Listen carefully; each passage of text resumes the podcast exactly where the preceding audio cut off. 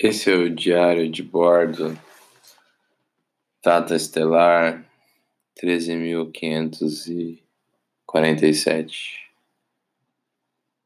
Nesse diário eu vou relatar os pensamentos nebulosos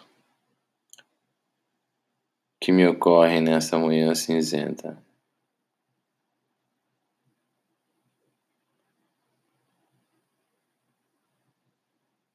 Eu só consigo escutar o barulho do computador e do relógio e do meu gato roncando no sofá.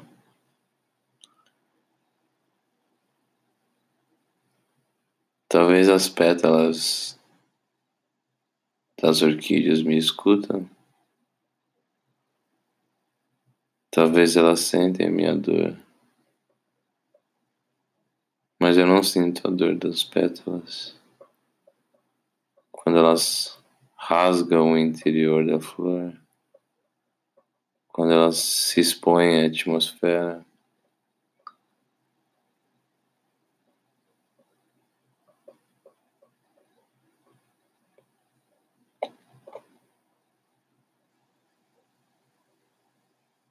Mesmo assim, ela escolheu estar ali com essas cores vibrantes com tons pálidos, com seu núcleo denso, como se fosse um convite.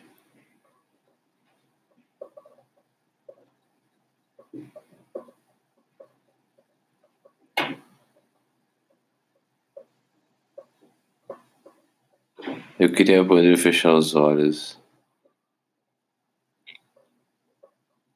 e poder saber como uma orquídea funciona fisiologicamente.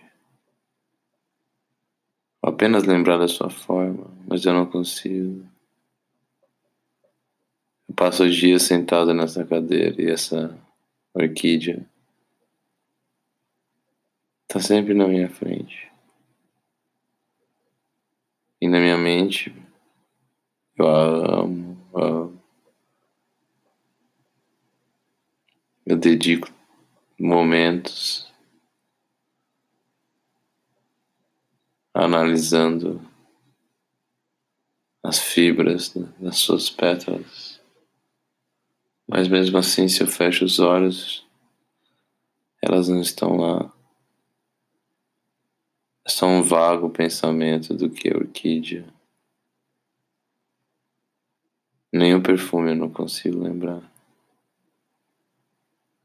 Então eu preciso abrir os olhos de novo e olhar a orquídea. E no dia seguinte também. E no próximo.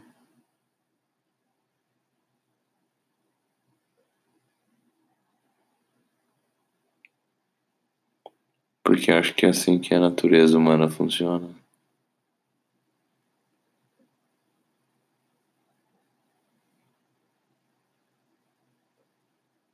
É no presente que o nosso coração bate. É por isso que a gente precisa respirar a cada poucos segundos.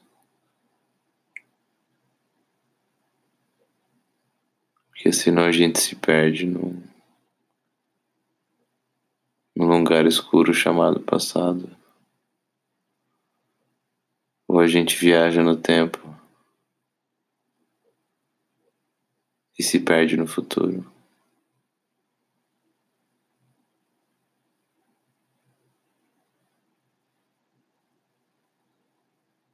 O presente é